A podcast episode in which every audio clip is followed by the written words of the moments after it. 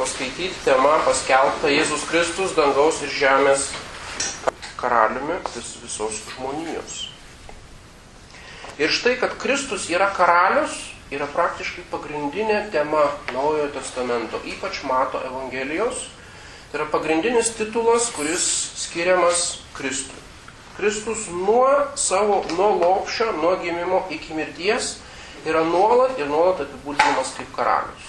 Evangelistai nuolat pabrėžia, žinoma, jis yra ir pranašas, jis yra mokytojas, jis yra ganytojas, jis yra kunigas ir taip toliau. Visi tie titulai taip pat yra svarbus. Bet pirmas ir pagrindinis titulas Naujajame testamente tai yra karalius, kad Kristus yra karalius. Ir štai tą karalių pagarbina trys išminčiai iš rytų šalies karaliaus erodo dienomis Ir štai krikščioniška tradicija juose mato taip pat karalius, kad tai yra pagonių karaliai, kurie atėjo pas tikrąjį karalių, viso pasaulio karalių ir pagarbina jį, pripažįsta, kad jis yra visų valdovų, visų valdovų galva. Ir štai Kristus kaip karalius įžengė Jeruzalę, atlieka tą ritualą įžengimo į Jeruzalę nuo Lyvų kalno Jis yra garbinamas kaip Dovido sūnus. Mato Evangelijoje ypač nuolat minima apie, a, minimas žodis proskinezis, graikiškas proskinezis, reiškia puolimas ant žemės nusilenkia, kaip prieš, reiškia, orientalinis toks ritualas karaliaus pagarbinimo. Tie paprasti žmonės ateina prie Kristaus ir atlieka tą proskinezis, jie puola prieš jį ir nusilenkia ir nuolat vadina jį Dovido sūnumi, kas labai erzina fariziejus, sadukėjus. Reiškia, ta liaudis instinktyviai jaučia, kad Kristus yra karalius. Ir būtent kaip karalių sveikina jį įžengiant į Jeruzalę. Ir kas paskui atsitinka, visa kančios istorija, ne, ne, ne, neturim laiko į tai gilintis. Tiesiog tai yra kar, karaliaus, Kristaus karaliaus manifestacija. Piloto tasai klausimas, ar tu esi karalius? Jėzus patvirtina, aš esu. Ir tada pilotas parašo tą titulą virš Jėzaus kryžiaus, kad tai yra Jėzus Nazarietis žydų karalius. Ir ką sako plėšikas nukryžiuotas šalia Kristaus? Jėzau, priimk mane, kai ateisi į savo karalystę. Ateisi į savo karalystę, priimk mane. Taigi turim garbinti tą Kristų kaip karalių, turime priimti jo valdžią. O apie jo valdžią jau labai ilgai čia mes kalbam. Galime paskaityti, pulkim ant kelio 27 numeris yra. 2007 metų visas numeris yra skirtas Kristui karaliui. Ir ten yra Pijaus 11, popiežiaus Pijaus 11 enciklika Quas Primas 1925 metų.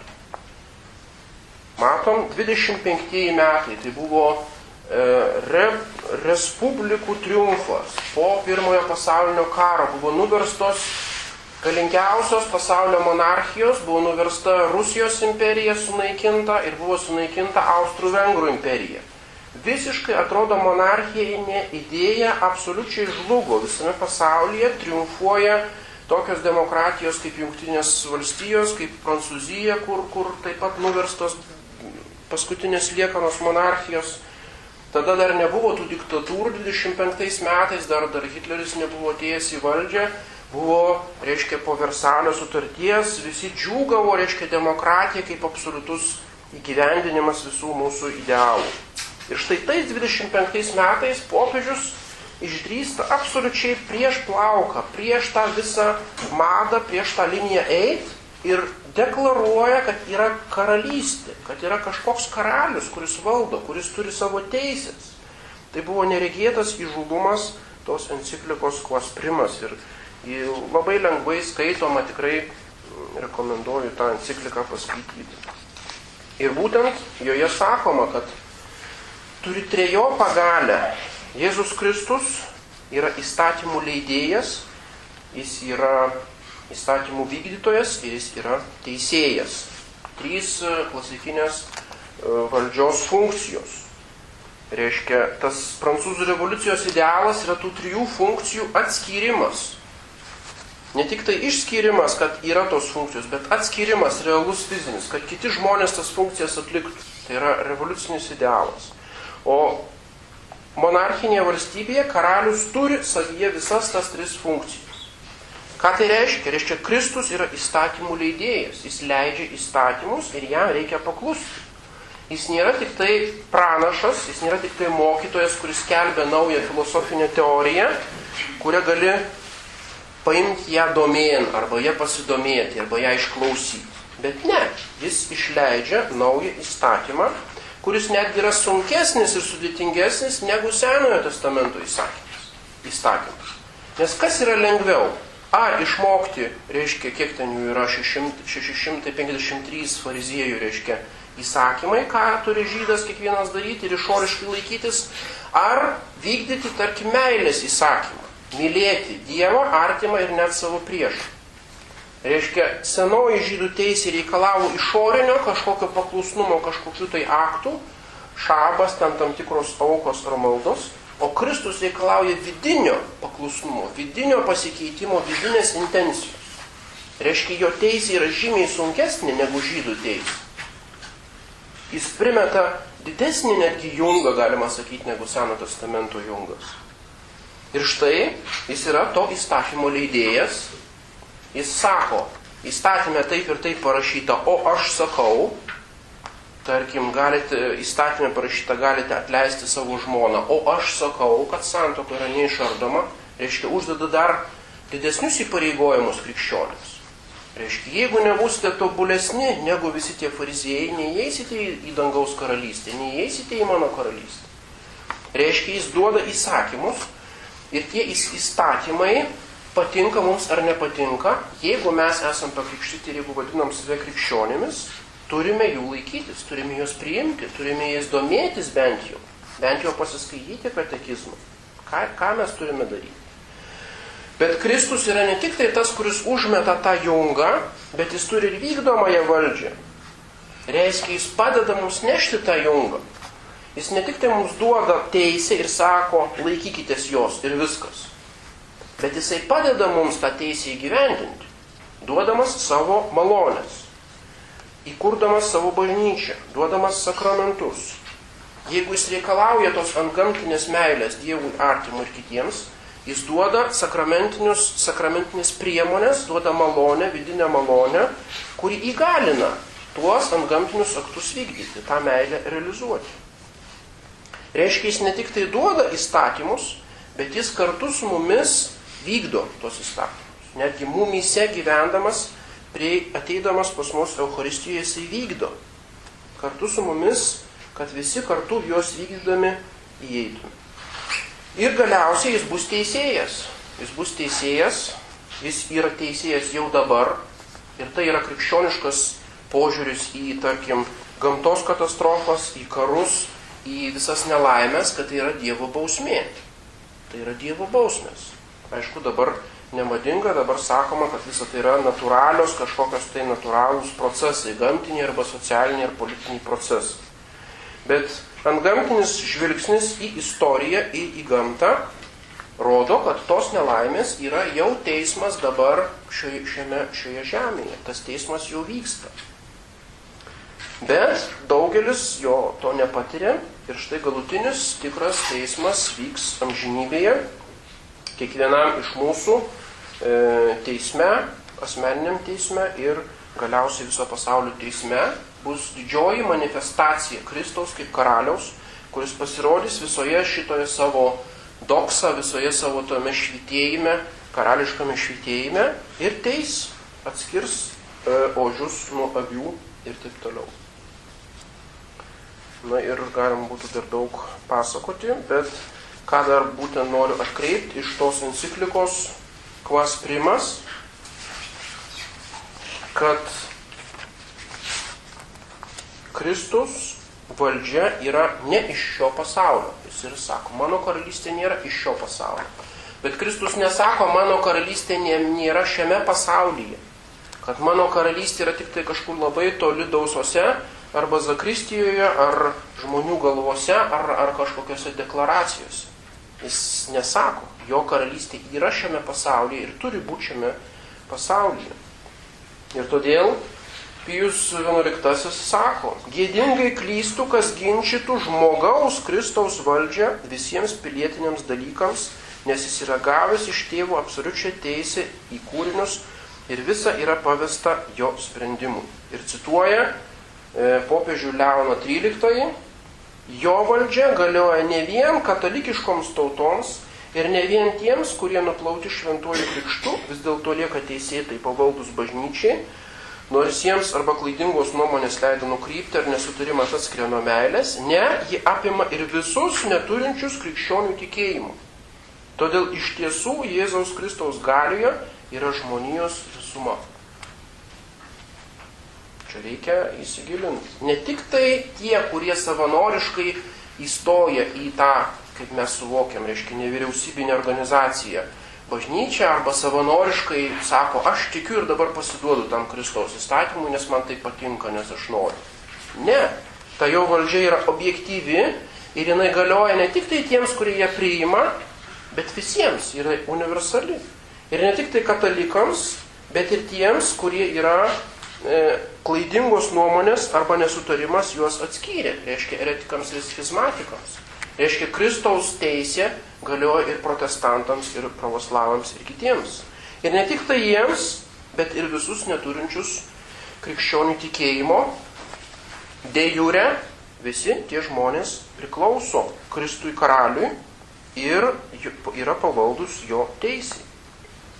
Ir apie tai kalbam per birželinės pamaldas, būtent žmonijos paukojimo švenčiausiai Jėzaus širdžiai aktas, būtent išvardina tuos, tuos visus atvejus, būk viešpatė karalius ne vien iš tikimųjų, kurie niekada nuo tavęs nepasitraukia, bet ir sunų palaidūnų, reiškia nusidėlių arba blogų krikščionių, arba tų, kurie atmeta tavo teisę. Paskui būk karalius tų, kuriuos apgavo klaidingos nuomonės ar skyrė nesantaiką reiškia visų krikščionių. Ir galiausiai būk karalius visų tų, kurie dar tebe klaidžiojas stabmeldystės ar islamo tamsybėse ir nedelsk juos ir juos išvaduoti savo šviesos karalystėje ir galiausiai pažvelg gailestingomis akimis į vaikus tos tautos, kuri taip ilgai buvusi išrinktoji, reiškia yra dėjurė žydų karalius, nors žydai, reiškia kol kas e, solidarizuojasi su tuo šauksmu fariziejų, kad nepripažįstam tavęs karaliumi, mūsų vienintelis karalius yra ciesorius, reiškia ir išsižada jo karalystės. Nepaisant to, jis yra visų tų tautų karalius. Ir va tą suvokti, kad Kristaus karalystė yra kažkas konkretaus, yra tikra teisė, kuri įsiveržia į mano gyvenimą, kuri nori reguliuoti mano gyvenimą, kuri primeta tam tikras normas, nekintančias iš išorės. Aš nerenku to karaliaus, aš negaliu pasirinkti to karaliaus, jis yra Kristus karalius ir aš esu jo pavaldinys.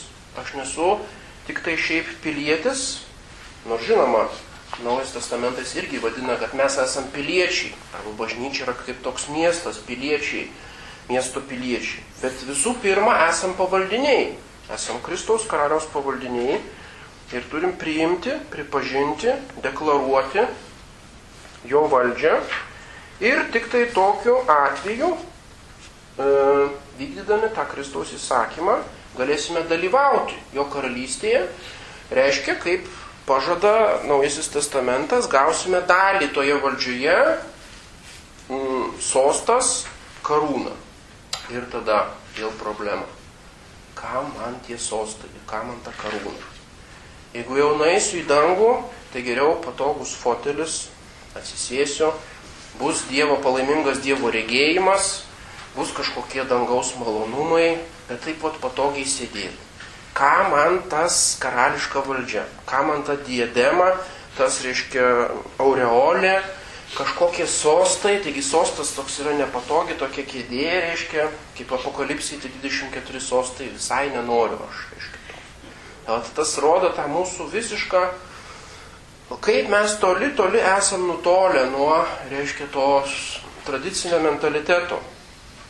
Reiškia, yra tas persijėme esam tą buržuazinė arba ta miešmieščioniška, reiškia, dvasia. Kažkoks toks turi būti patogumas, saugumas, reiškia, anonimiškumas, o kad ten sėdėt kažkur aukštai sostė su karūna ant galvos mūsų net nevilioja toks dangaus vizija. Nu, ir čia reikia susimastyti, ar, ar tas reiškia. Nes ta garbė, tas sostas ir ta karūna tai ne mums asmeniškai, kad čia aš paprastas žmogelis dabar sėdėsiu su karūna ant galvos. Nu kaip čia dabar atrodo. Bet tai bus dalyvavimas Kristaus valdžioje, kuris yra karalių karalius. Reiškia, aš prisidėsiu savo asmeniu, jeigu pasieksiu dangų, jeigu pasieksiu tą šventumą, aš prisidėsiu prie Kristaus karaliaus, e, reiškia, reprezentacijos. Aš prisidėsiu prie jo, e, prie jo valdžios parodymų, prie jo garbinimo. Tai yra Kristaus karaliaus valdžios e, parodymas. Tai bus toks būdas tarnauti Kristui karaliui. Juk e, ir žemiškiams karaliams, tarkim, Anglijos karalieniai, nežinau kaip ten yra, tai irgi vyną paduoda arba taurę arba kėdę atitraukia. Tai irgi ne kažkoks eilinis valdininkas, bet koks nors peras ar grafas ar markizas ar baronas. Reiškia, jos tarnai turi tam tikras funkcijas, turi tam tikrą laipsnį aukštą ir tuo savo laipsniu patarnaudami karaliui dalyvauja jo reprezentacijoje. Reprezentacija yra kažkas, kažkas esminio karalių. Ir štai visų karalių karaliui patarnaus arba jam šlovė gėdos, arba jo šitame dvare dalyvaus taip pat tie, kurie turės dalį toje karališkoje valdžioje. Ir turiu, reiškia, mm, taip įsivaizduoti tą, reiškia, dangų, ne hedonistinė prasme, bet būtent pasigilinti į tą žodį doksą, į tą švitėjimą, į tą, reiškia, šlovės savoką, ką reiškia šlovė. Ir tik tada gerbsiu Jėzaus Kristaus šlovę ir pats norėsiu šlovės danguje. Ne tik patogios, malonios vietos danguje, bet šlovės danguje. Suprasiu tą tikrą dangaus, reiškia, esmę. Nu, čia dar būtų galima daug kalbėti, bet jau ilgai trunka, gal kokių klausimų yra. Jeigu valstybė būtų Kristus karalius, tai praktiškai. Tai va, čia yra priekaištas, kad katalikai nori teokratijos. Niekas niekada nesako, kad mes norim te teokratija yra, kada realiai, betarpiškai Dievas vadovauja. Tai mes negalim įvesti teokratijos, tai yra visiškai neįmanoma. Kas negirdime, kad Dievas mums įsakytų, dabar tą ir tą darykit, dabar su tuo ir tuo kariaukit. Jeigu Dievas nevaldo tiesiogiai, tai mes jo negalim priversti, mes negalim įvesti teokratijos. Teokratijos vienintelis tikras atvejis buvo būtent, e, būtent žydų, žydų atveju iki, iki monarchijos įvedimo. Ir nėra tos teokratijos. Tai jo nebuvo. Kaip? Tai Ne, tai paskui viduramžiai sako teokratija. Tai nebuvo teokratija, tai buvo galbūt labai išplėsta popiežiaus valdžia. Arba jeigu kas kritikuoja tą valdžią, tai gali sakyti klerokratija arba hierokratija yra toks terminas, hierokratija, kada šventikai reiškia valdo valstybę. Čia irgi nėra valstybės idealas ir bažnyčia niekada to nesakė, kad turi šventikai arba viskupai arba popiežius betarpiškai valstyti administruoti valstybės reikalus. Bet neturime tos karalystės, reiškia, ir todėl demokratiniai, demokratiniai, reiškia, šalyje yra šiek tiek sunkiau įgyvendinti Kristaus karališkumą negu monarchijoje. Bet nėra tame prieštaravimo. Man rodos, tame pačiame pulkime ant kelių numerį arba kitur galite paskaityti apie Ekvadorą, apie Garciją Moreno. Ekvadoro prezidentą, kurio didis idealas buvo Kristaus karališkumas. Kristaus karaliaus reiškia socialinis karališkumas. Jis įgyvendino visus tuos postulatus popiežiaus būtent savo valstybėje, kuri nebuvo monarchija, o kuri buvo demokratinė valstybė. Ir jis savo konkrečių pavyzdžių įrodė, kad tas Kristaus karališkumas gali būti realizuojamas nebūtinai monarchinėje valstybėje. Modernioje valstybėje taip pat gali būti realizuojamas. Tai reiškia, valstybė turi pripažinti bent pagrindinius tuos esminius krikščioniškus principus. Katalikybė turi būti valstybinė religija, kitos religijos turi būti atitinkamai toleruojamos, bet negali būti sulygintos su katalikų religija. Ir tai buvo katalikų, reiškia, tos doktrinos, doktrinos principai visais laikais ir jų atsisakymas po antro Vatikano susirinkimo, tai būtent tas yra esminis lūžis. Tai, ir tada jau, kaip iš vis gali būti Kristus karalius po antro Vatikano susirinkimo, tai sunku įsivaizduoti. Jeigu pats Vatikanas reikalavo, kad būtų išbraukta iš konstitucijų e, katalikybės laikymas valstybinė religija, valia kantone, arba Ispanijoje, arba Italijoje ir taip toliau, kad katalikybė prarastų bet kokias atseit privilegijas ir būtų visiškai solidinė. Nu tai, ką čia gali pridėti? galima papildyti šitą klausimą, irgi, irgi tai, kas buvo pasakyta, e, komentaro paprašiau. Kai jūs buvo kalbama, kad e, 25 metais paskelbta buvo šitą encikliką, Kristų Mhm. encikliką. Ir, ir taip pat galim pasakyti, kad kristeros, kurie vat, kovojo už tą Kristaus karalius valdžią Meksikoje, prieš liberalus, kaip tik sekančiais metais po to. Mhm. 26 metais jie, galima sakyti, kraujužom spaudavo tą popiežiaus encikliką. Ir už ką jie kovojo. Ir Kaip ten filmą rodo, ten tikrai kategorija, kažkoks didesnė garbė. Ir Tas filmas rodo, kad jie tarsi kovojo už religinę laisvę, kad tenai nevaržytų lygiai katalikų. Tačiau mesgi žinom, kad ir jie ir per Ispanijos pilietinį karą kovojo už paskutinę katalikišką valstybę Europoje. Taip.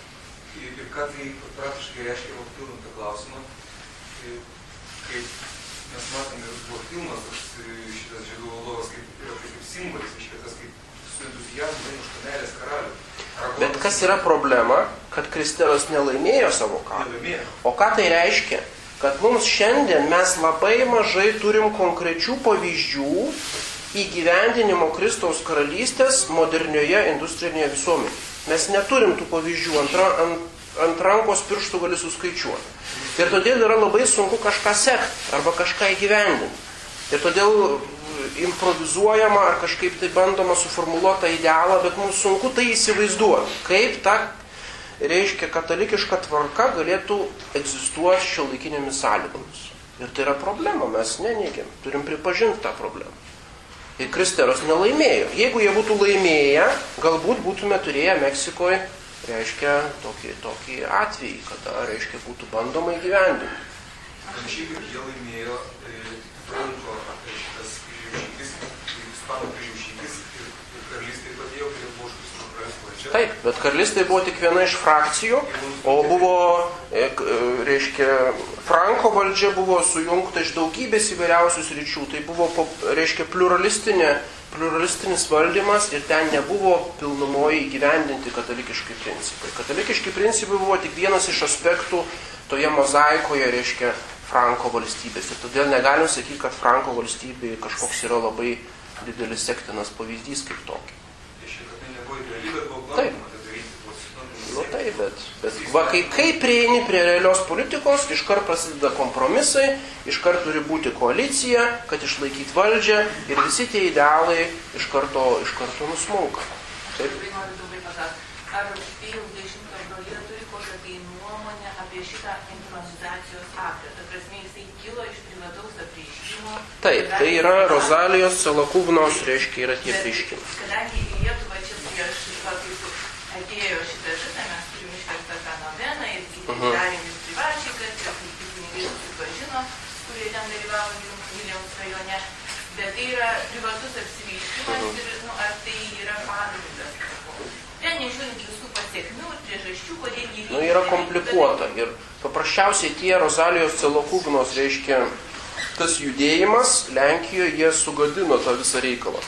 Nes jie labai politikavo visą tą judėjimą, jie pavertė tokiu grinai polis, e, politizuotų aktyvizmu ir e, taip pat yra šiokios tokios problemos su pačia Rozalija Celakūvna, nes jos apreiškimuose yra aiškiai matoma dar įtaka šito XIX amžiaus Lenkų mesijonizmo. Reiškia, Lenkų romantinis mesijonizmas buvo toks judėjimas, kuris sako, kad Lenkija yra kaip kenčiantis Kristus, tautų Kristus. Reiškia, Lenkija savo, taut, savo kančiomis, kadangi buvo padalinta tarp Rusijos, Rusijos ir Austrijos, sunaikinta visiškai neteisėtai ir tai didžiausia, reiškia, istorijos neteisybė. Ir štai ta Lenkija kenčia. Ir ta kančia turi tam tikrą išperkamąją galę aplinkiniams tautoms, kaip tautų Kristus. Nu tai buvo tokia romantikų, reiškia, vizija. Ir štai pas Celakūvną šiek tiek yra tos įtakos, kad Kristus pirmiausiai taps Lenkijos karaliumi, o paskui lik emanuos ta karalystė, reiškia būtent iš Lenkijos. Tai va tas Lenkijos pabrėžimas tos įtakos.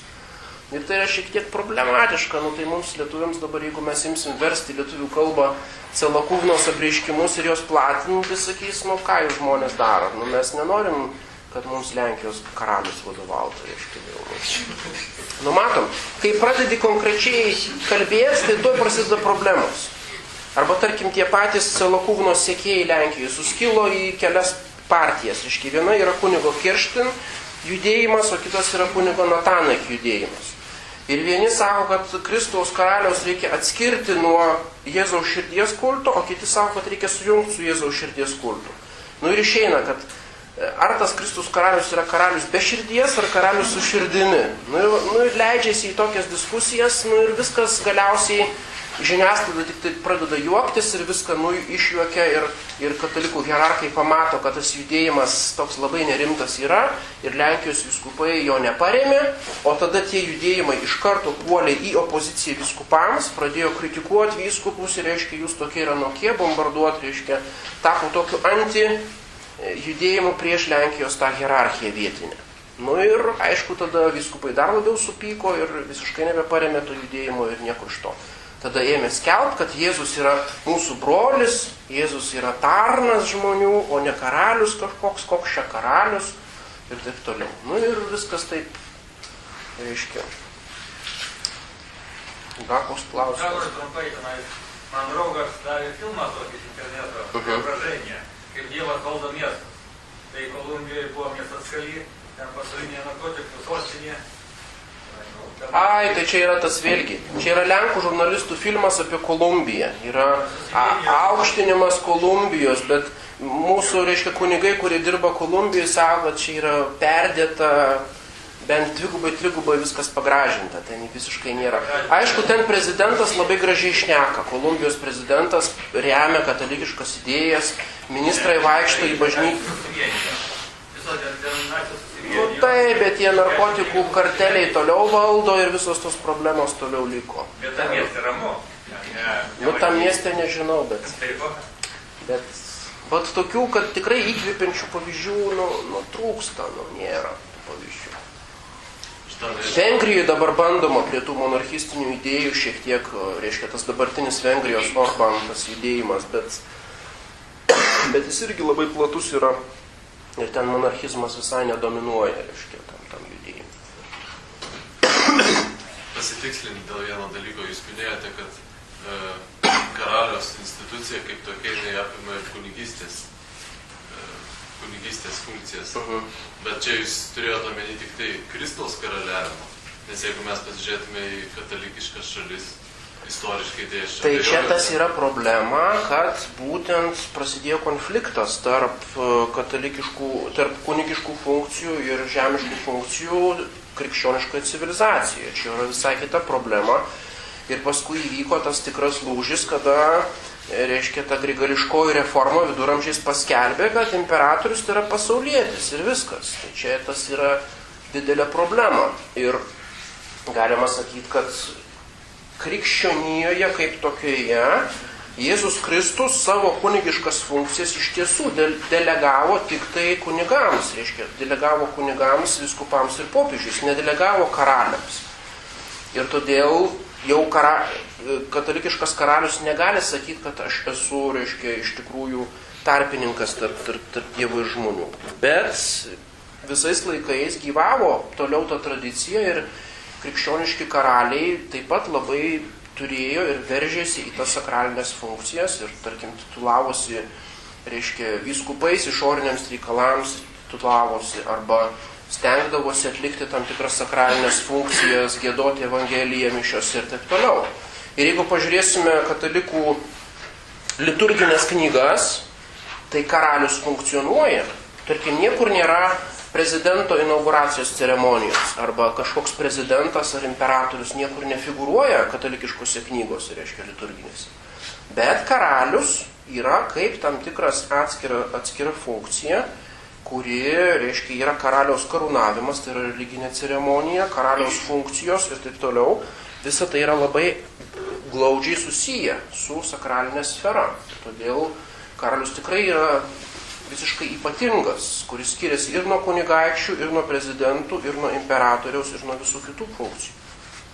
Ir tą reikia taip pat to nepamiršti. Reiškia, krikščionių karaliai taip pat buvo suvokę savo šitą tam tikrą sakralinį aspektą.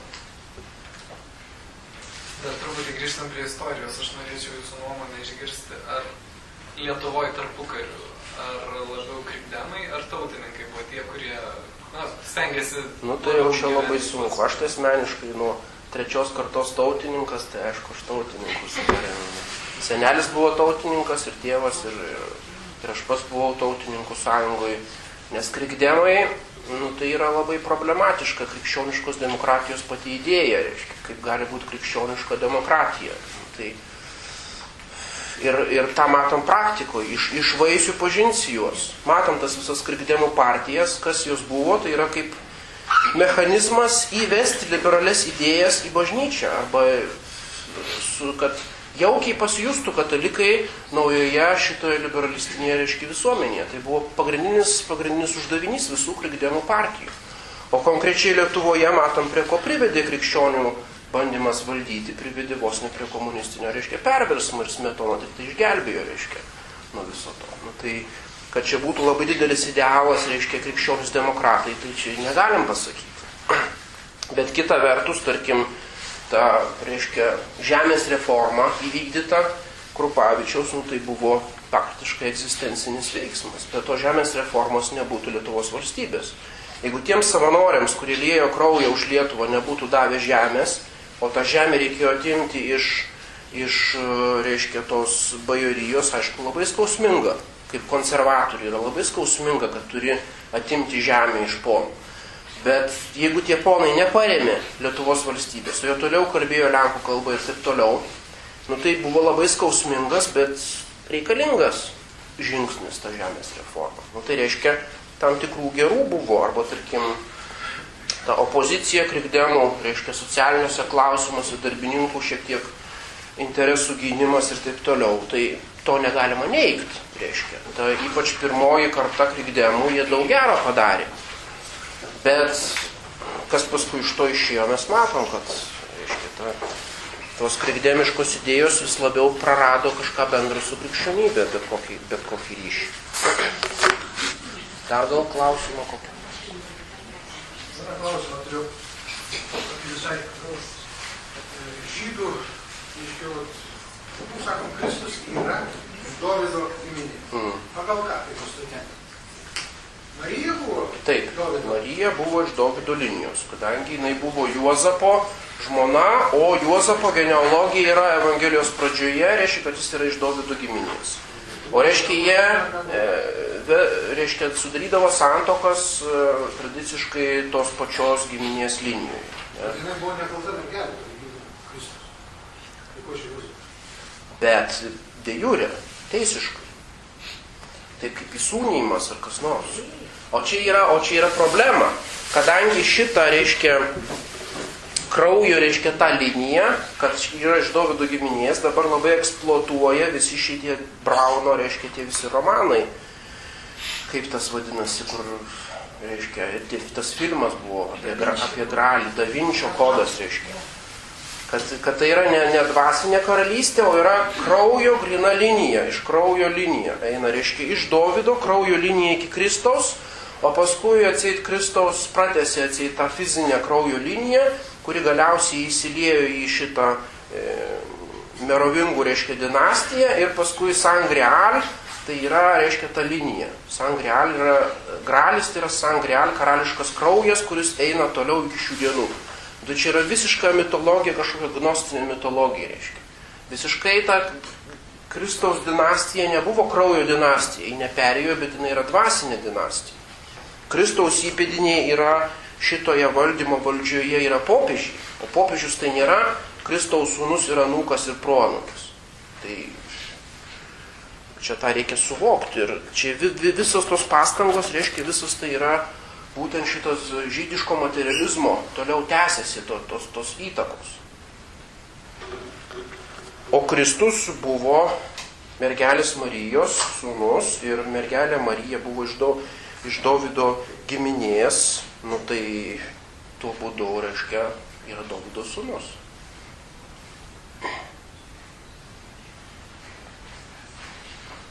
Bet tai nereiškia, kad, jis, kad tas do, buvimas Dovido sūnumi jam suteikia karalystę. Kristus yra karalius dėl to, kad jis yra įsikūnijęs Dievas. Kaip sako, reiškia, Pijus 11 toje enciklikoje. Jis, kaip Dievas, įsikūnijo, priėmė žmogaus prigimtį ir tuo būdu iš savo prigimties yra karalius. O antras titulas yra tai, kad jis užkariavo tą karalystę savo kryžiaus auką, savo atpirkimu. Reiškia, dėl tų dviejų argumentų, dėl tų dviejų titulų Kristus yra karalius. Kaip įsikūnijęs Dievas, Kristos, reiškia Mesijas, ir kaip išganytojas, kaip tas, kuris e, išplėšė, reiškia, iš šio pasaulio kunigaikščio valdžios, išplėšė šitas sielas. Dėl tų dviejų titulų. O jis ne dėl to yra Kristus karalius, kad jis yra iš Dovido giminės.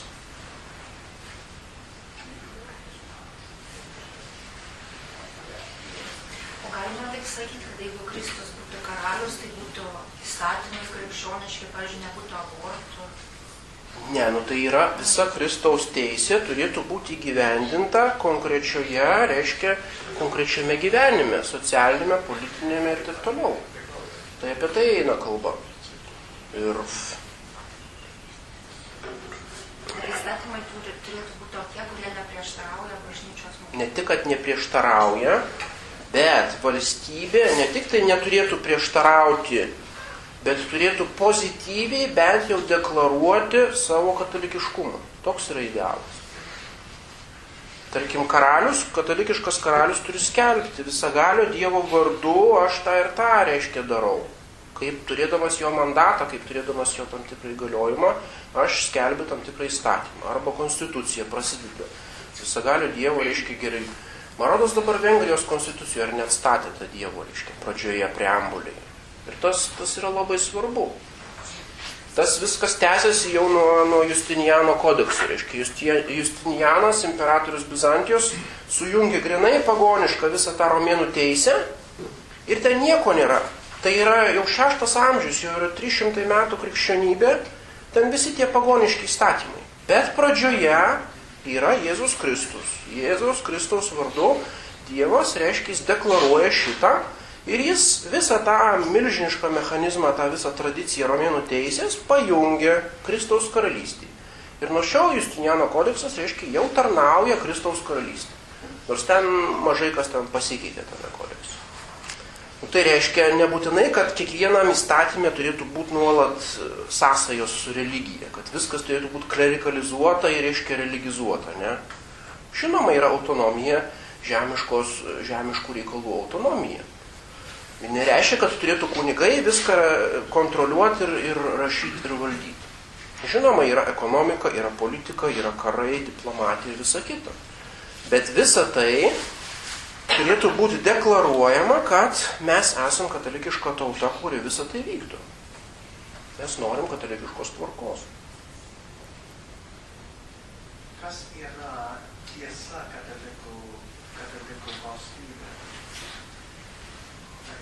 e, mokykla ir, ir armija ir taip toliau. Tiesa katalikų valstybė. Nu, tai va, reiškia, tie, ta kat, katalikiškumas, jis išreiškiamas e, įstatymuose, jis išreiškiamas konkrečioj politikoje, tarkim, yra armija arba kariuomenė, reiškia, yra taip pat geopolitinis, geopolitinis tas lygmuo, kad katalikiška tauta turi e, mąstyti katalikiškai užsienio politikoje, tarkim, ir taip toliau. Vi, visi lygmenys, reiškia, visuomeninio gyvenimo turi būti susijęti su šita katalikiška teisė. Ir tuo būdu valstybę galima vadinti katalikišką. Tarkim, būtent tą istorijoje matom, tas, tas didžiulės išdavystės, tarkim, Prancūzijos, reiškia, kuri dar tais laikais kaip absoliutistinė monarchija, Prancūzija, deklaravo, kad jinai katalikiška. Bet jau visose srityse jau nukrypo nuo tų katalikiškų. Kas iš to, kad tas karalius prancūzų deklaravosi, kad jis yra pamaldžiausias ir katalikiškiausias karalius ir taip toliau, jeigu Prancūzija tapo geopolitiniu Turkijos sąjungininku pagrindiniu. Reiškia, visą laiką rėmė turkus ir kenkė visą laiką Austro-Vengrijai ir kenkė visai Europos krikščioniškai tvarkai. Nu tai didžiausia yra išdavystė. Reiškia, deklaracijos nieko nepadeda. Tu gali deklaruoti, net gali būti konstitucijų įrašyta ir net karalius gali būti katalikiškas ir su visom ceremonijom karūnuotas. Bet jeigu nėra mąstymo, jeigu nėra tikraus, tikro realaus pasidavimo katalikiškiams principams, nu, tada nieks nefunkcionuoja ta, ta, ta, ta tvarka. Ir būtent už tai paskui Dievas nubaudė Prancūziją ir tai pati prancūzų, reiškia, ta prancūzų ta istorijos, reiškia, filosofija tai pripažįsta, kad yra teisinga Dievo bausmė ta visa prancūzų revoliucija. Ir paskui buvo atlyginimo aktai, atlyginimo aktai, reiškia, ta Montmartre bazilika Paryžių, reiškia, kaip atsilyginimo, kad prancūzai atgailauja. Atleiskit mums už tas visas nuodėmes. Nu ir Lenkijoje taip pat kai kas, reiškia, savo, kad yra, kaip ir, kaip ir visais tais atvejais, tai yra Dievo bausmė Lenkijai, kadangi Lenkija nevykdė tų, reiškia, tos Dievo teisės ir todėl Lenkijos ta karalystė, reiškia, išnyko ir taip toliau. Tas yra svarbu, reiškia, pripažinti savo tautos griekus.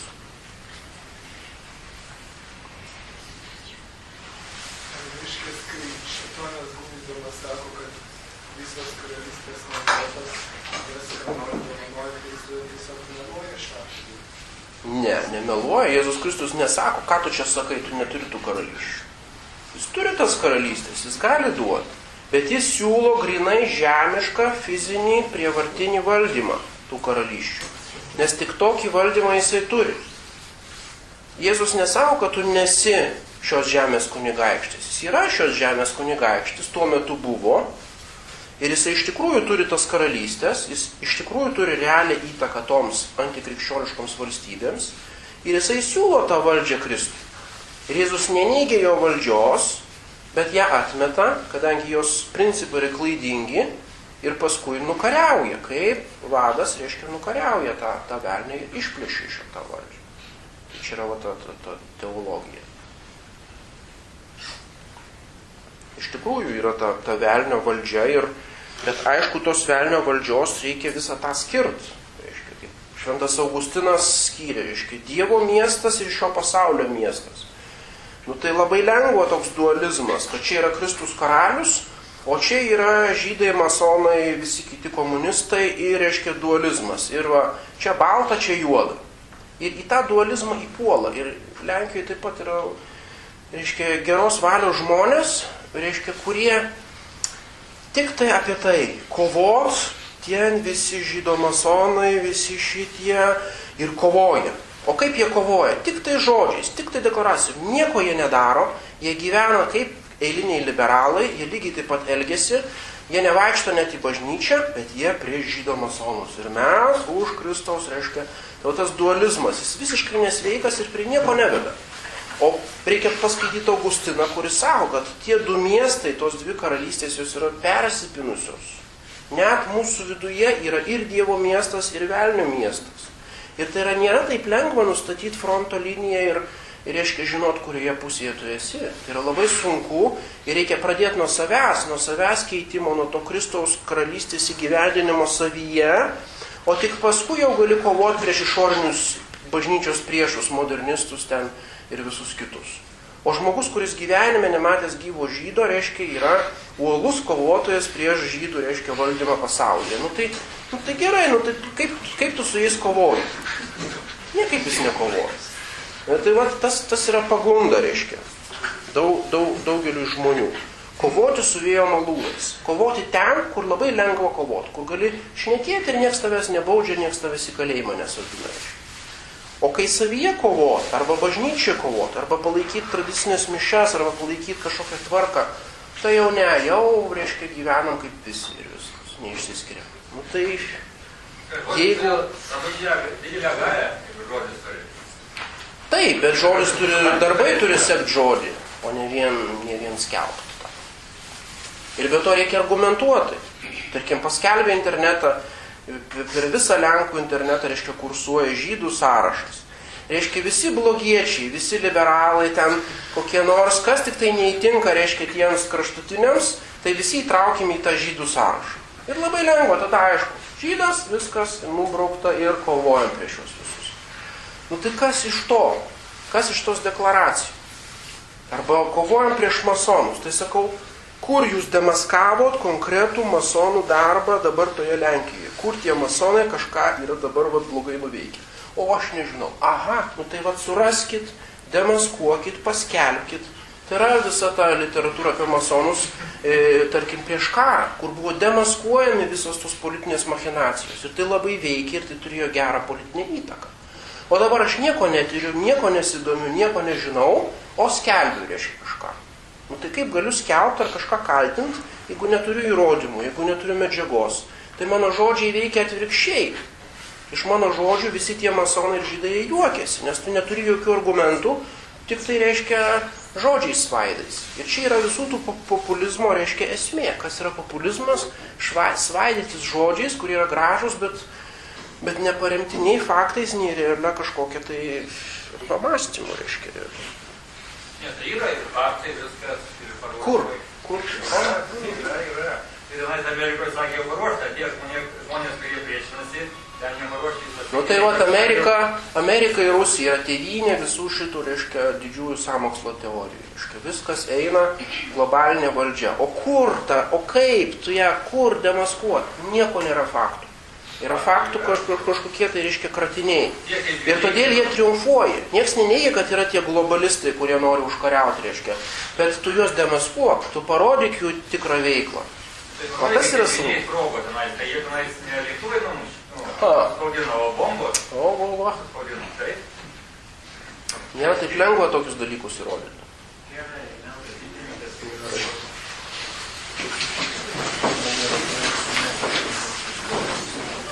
Garbė Dievui, Tėvui ir Sūnui, Šventai Dvasiai.